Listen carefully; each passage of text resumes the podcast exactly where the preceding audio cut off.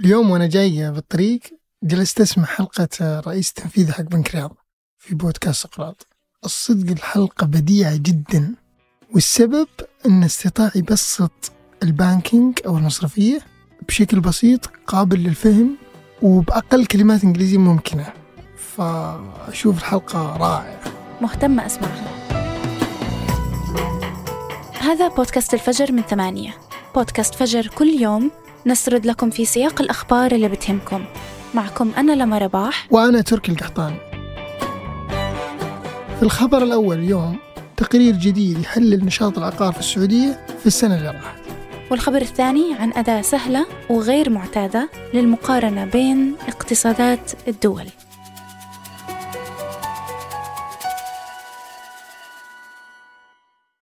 قهوة الصباح وأجود محاصيل البن المختص تلاقيها في خطوة جمل. اعرف أقرب فرع لك من الرابط في وصف الحلقة.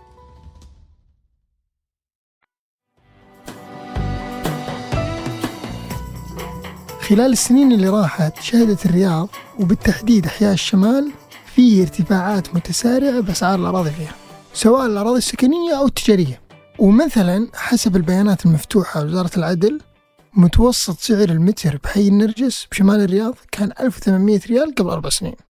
ثم قبل سنة وصل لأكثر من 4700 ريال وكان وراها التغير السريع أكثر من سبب Last week, the Federal Reserve voted to keep interest rates near zero despite a spike in inflation. Fed Chairman فضمن إجراءات الفدرالي الأمريكي قبل سنتين لمواجهة كورونا وصلت أسعار الفائدة على القروض بأمريكا الصفر بالمية تقريبا وبسبب هالشيء وصلت أسعار الفائدة بالسعودية وقتها المستوى واحد بالمية ولما تكون أسعار الفائدة منخفضة كذا يكون أرخص على الناس والشركات أنهم يأخذون قروض من البنوك. ولأن هالقروض جزء كبير منها ينصرف على العقار فزاد وقتها الطلب على الأراضي وزاد سعرها. وبنفس الوقت بدأت الوظائف في هذيك المرحلة تتركز أكثر بالرياض من بين بقية المدن.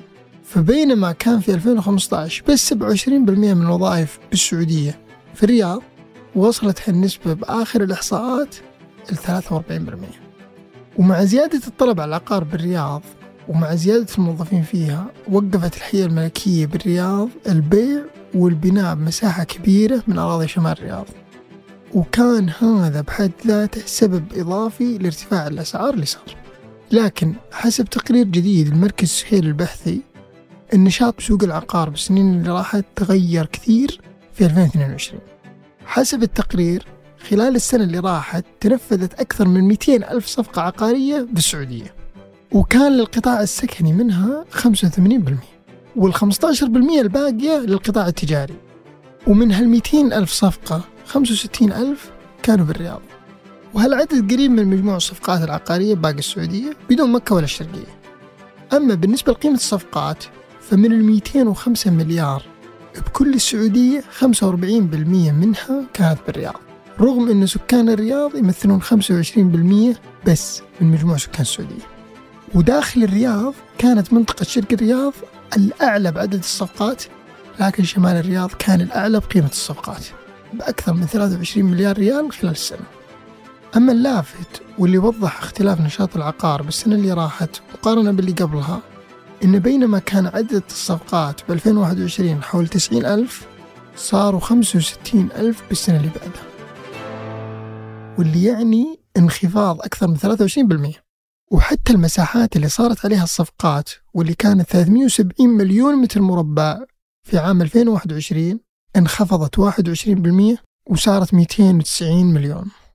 وهالأرقام كانت أكبر وأوضح بالرياض اللي نزل فيها عدد الصفقات 26% وانخفضت المساحات اللي انباعت بأكثر من 30% وكان في سبب رئيسي واحد وراء كل هالتغير.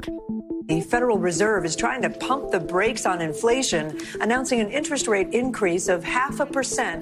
That's less than the agency expected to raise interest rates for the fourth time this year. Economists expect مع موجة التضخم اللي صارت حول العالم بالسنة اللي راحت رفع الفدرالي الأمريكي الفائدة بوتيرة سريعة وصلت معها الفائدة من 0.25% بس بداية السنة إلى 4.5% بنهايتها وبالسعودية كان البنك المركزي يرفع الفائدة بالتوازي مع اللي يسويه الفدرالي الأمريكي. إلى أن وصل متوسط فوائد البنوك بالسعودية في نهاية السنة الماضية لأكثر من 5.8% واللي هي النسبة الأعلى في السعودية من 22 سنة. وهنا يصير عكس التأثير اللي صار ب 2020 فمع أسعار الفائدة العالية تقل القروض ويقل الطلب على الأراضي فيقل سعرها. واليوم يقول المحللين أن مصير الأسعار بسوق العقار ما هو واضح. فمن جهة يتوقع الاقتصاديين بهالسنة انخفاض معدلات التضخم إلى ما يبدأ ركود جديد. وهالشيء معناه نشاط اقتصادي أقل تنخفض معاه أسعار العقار وبنفس الوقت يتوقعون يخفض الفدرالي بالسنة الجاية معدلات الفائدة العالية الحالية. وهالشيء بيحفز ارتفاع أسعار الأراضي مرة أخرى.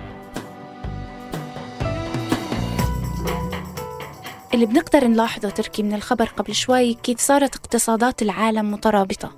وكيف صار تغيير سياسة مواجهة كورونا بالصين بيأثر على المصانع بأوروبا أو تغيير سياسة اقتصادية بأمريكا بيأثر على أسعار العقار بالرياض ومع ارتباط العالم الكبير ببعضه فكروا الاقتصاديين بأداة مختلفة وسهلة وممكن حتى غريبة عشان يقارنوا بين حالة الاقتصاد في مختلف الدول Wherever you go in the world, you can always find a Big Mac. McDonald's have places in virtually every country in the world. كانت هاي الأداة أو المقياس بكل بساطة متوسط سعر برجر ال Big Mac في كل دولة.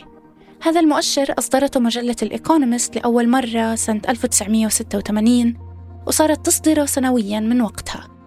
والفكرة فيه إنه بيستفيد من كون ال Big Mac هو منتج موجود ب 114 دولة حول العالم وهيك بيقدروا يقيسوا معدلات التضخم في هاي الدول من خلاله. بس وشلون بنقيسها؟ الفكرة إنه سعر ال Big Mac انعكاس لأشياء كثيرة بيعكس قيمة المواد الغذائية اللي فيه من خبز ولحم وجبنة وخضار وبيعكس قيمة العمالة اللي بتشتغل لتجهيزه وحتى قيمة الفواتير والضرائب والعقارات لأنه كلها تكاليف تشغيلية بتنخصم من المنتج وبضل منها صافي الربح اللي بيروح للمطعم. فسعر ال Big Mac بيعطيك تصور عام عن مستوى التضخم في كل دولة. ومدى ارتفاع الأسعار فيها أو انخفاضها بناء على سعره. ولأنه موجود في كل مكان في ماكدونالدز حول العالم وغالبا بنفس المكونات في كل فرع فهو بيعطيك تصور واضح عن ارتفاع الأسعار أو انخفاضها في كل مكان في ماكدونالدز. في أمريكا مثلا ارتفع سعر ال Big Mac خلال السنتين الأخيرتين أكثر من 6% وصلت أسعاره ل 5 دولار فاصلة 36 سنت. يعني 20 ريال تقريبا.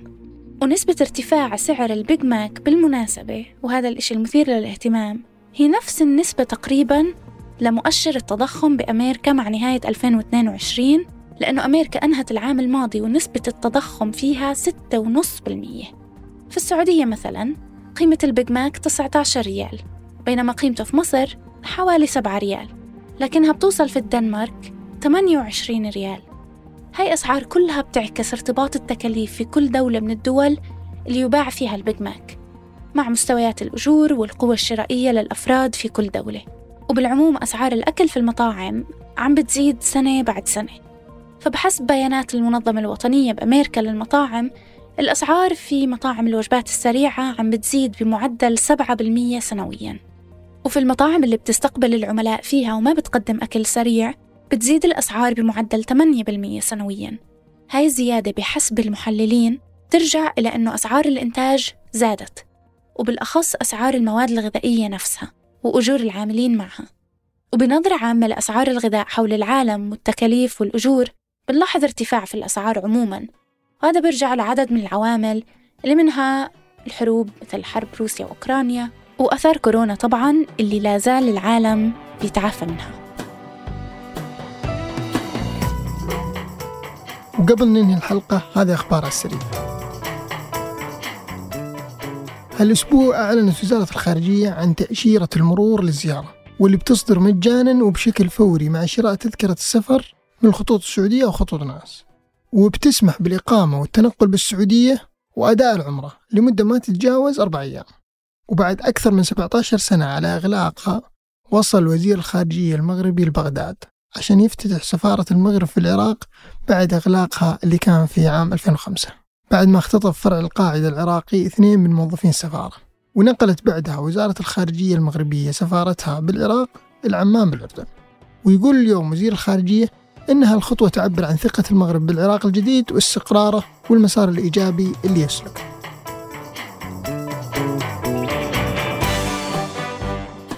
أنتج هذه الحلقة عمر العمران وعبد العزيز الحبيل وقدمتها أنا لما رباح. وأنا ترك القحطاني.